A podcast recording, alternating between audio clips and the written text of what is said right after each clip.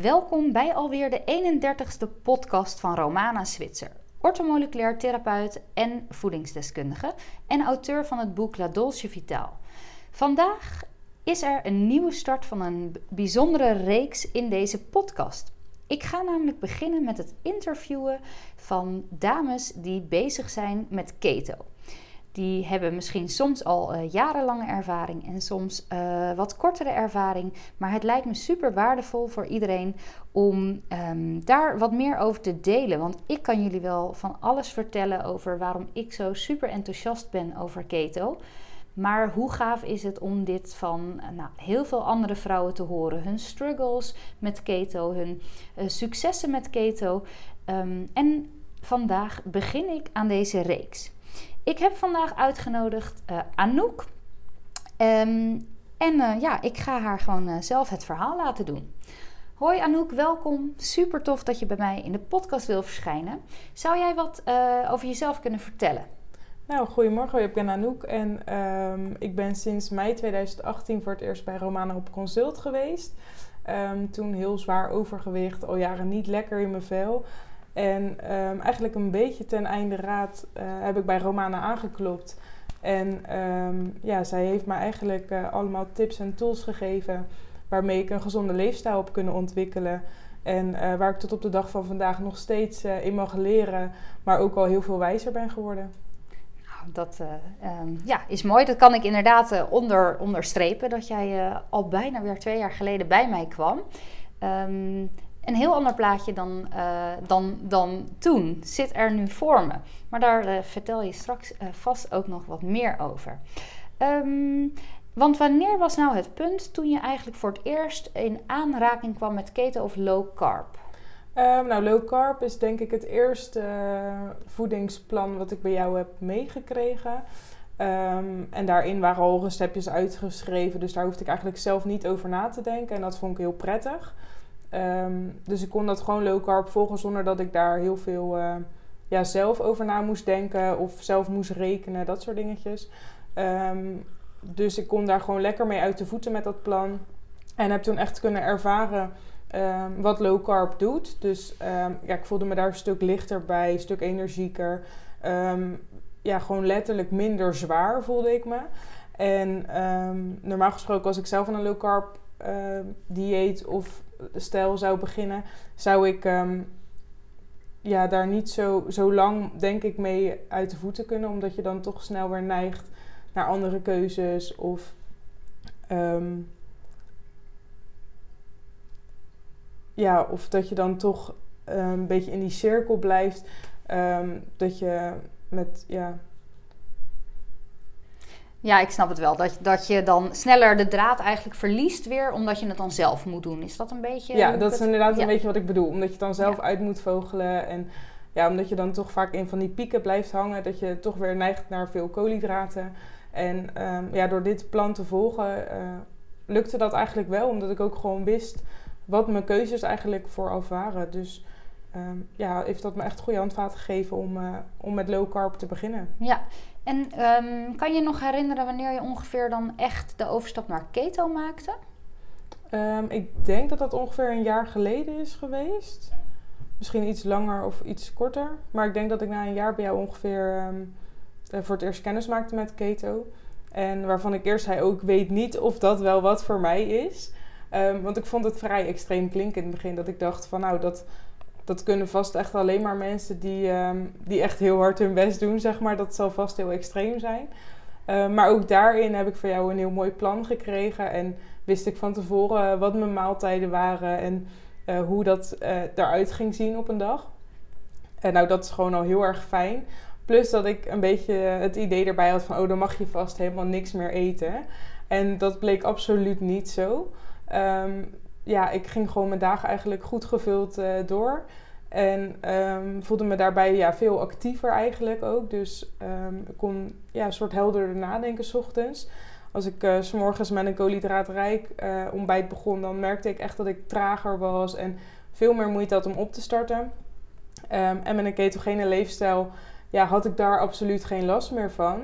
Uh, moet ik ook wel zeggen dat je me voor hebt gesteld aan de IF, dus het intermittent fasting.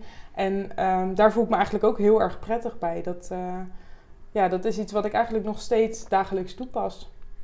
Ja, dat is mooi dat je dat zegt. Want we hebben inderdaad bij jou um, echt gekeken naar uh, hoe kunnen we keto voor jou echt um, personaliseren.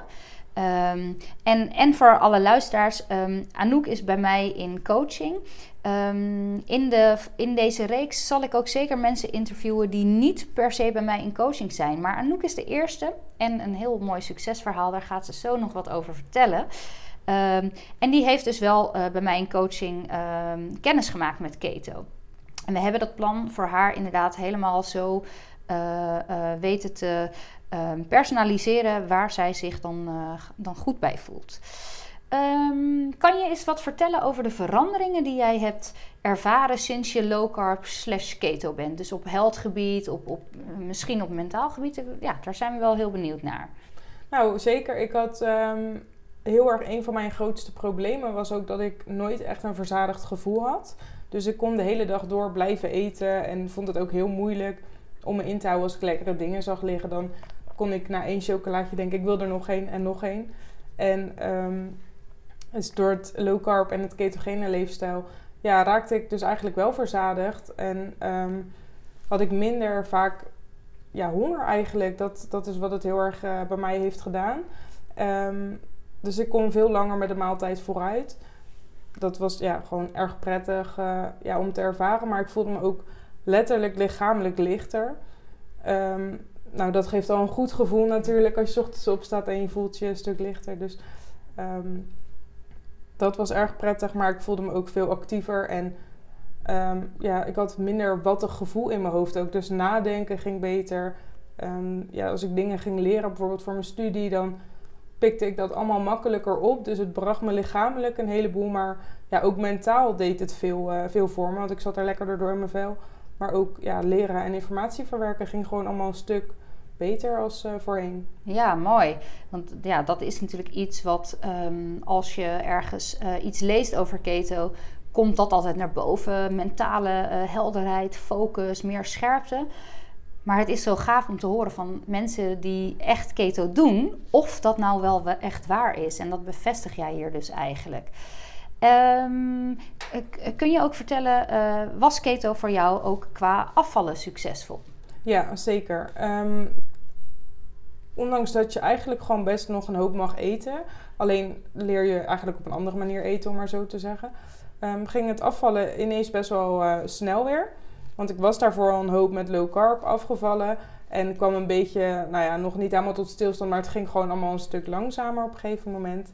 En door het ketogene dieet of leefstijl, ja, um, ging dat eigenlijk weer, uh, weer een stuk sneller. En ben ik echt wel heel wat kilo's daar nog mee afgevallen. Ja, en, en wil je delen met de luisteraars hoeveel je ongeveer in totaal bent afgevallen?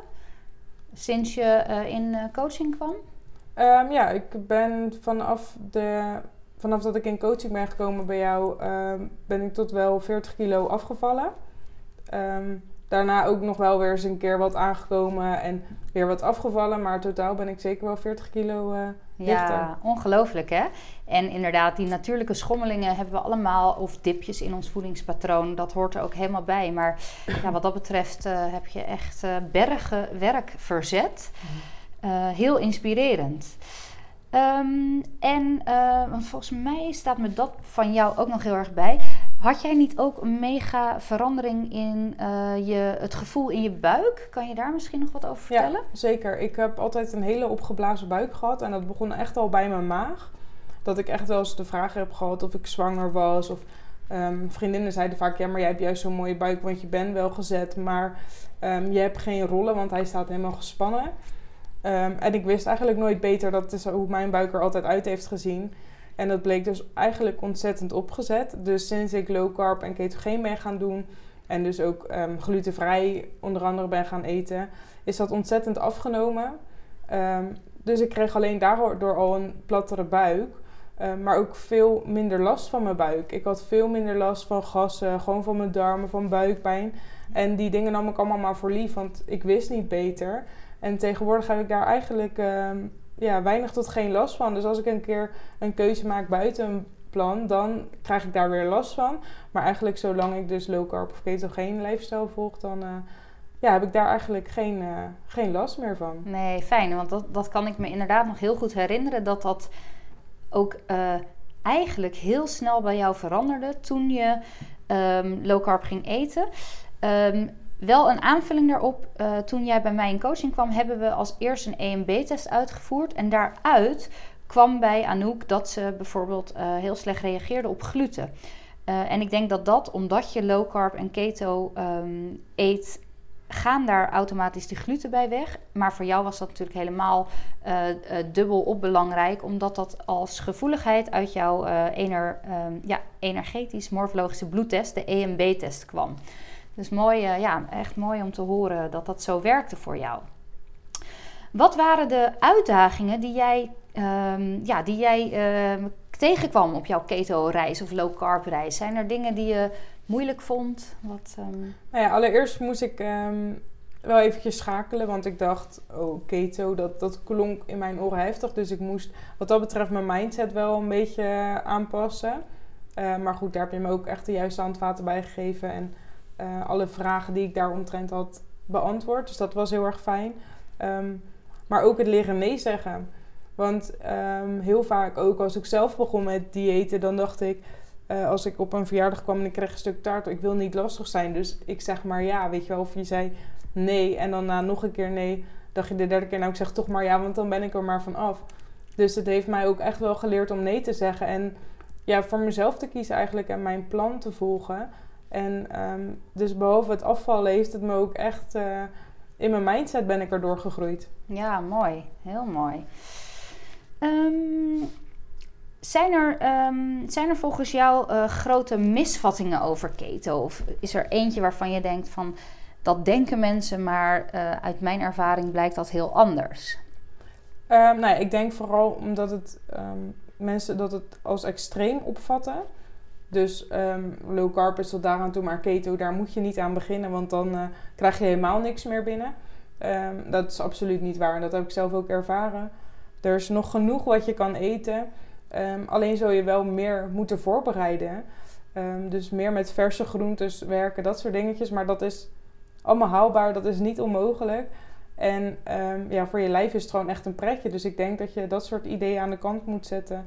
En het gewoon een kans zou moeten geven. Uh, om al die dingen zelf te kunnen ervaren. Want het, uh, het doet heel veel met je. Ja, mooi.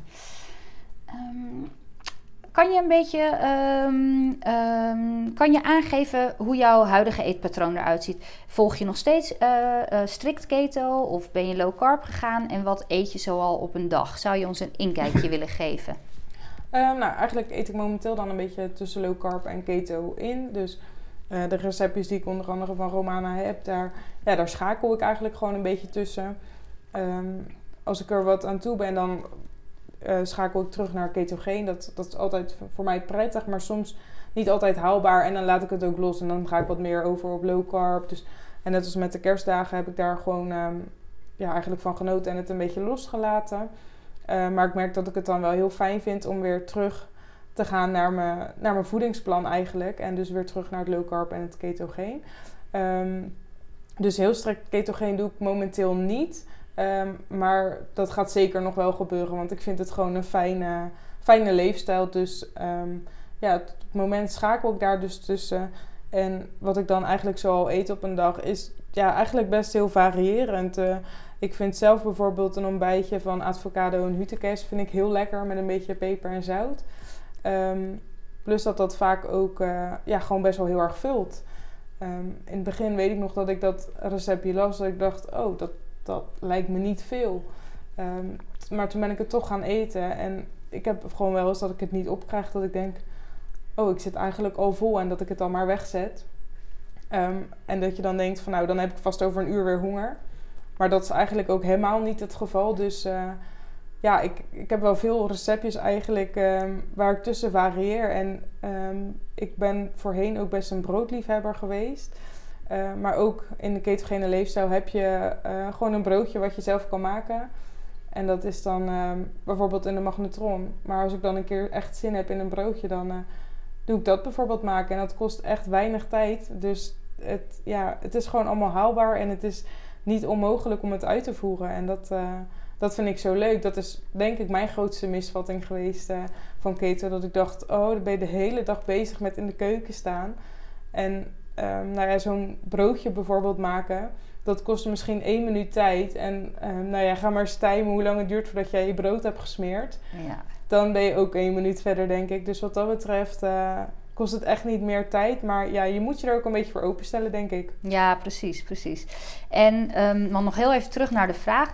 Um, wat je ongeveer nu op een dag eet. Nou, je, je begint dan graag bijvoorbeeld met een avocado met uh, hutekezen. En is dat dan je ontbijt rond 9 uur? Of ben je ook uh, weer begonnen met uh, intermittent fasting? Ja, intermittent fasting, dat doe ik eigenlijk echt wel bijna elke dag. Misschien dat er een keer een dag tussen zit dat het niet zo is. Maar eigenlijk vind ik dat de prettigste manier om te beginnen. Um, en dan drink ik wel gewoon een kopje koffie of thee. Dus ik uh, zorg wel dat mijn uh, vocht, dat ik dat lekker aan blijf vullen. Maar het intermittent fasting, dat, ja, dat doe ik eigenlijk meestal wel tot een uur of twaalf. Soms is het een keer elf uur of één uur. Maar meestal um, is rond een uur of twaalf het eerste moment op de dag waar ik eigenlijk uh, denk van nou, ik heb wel trek.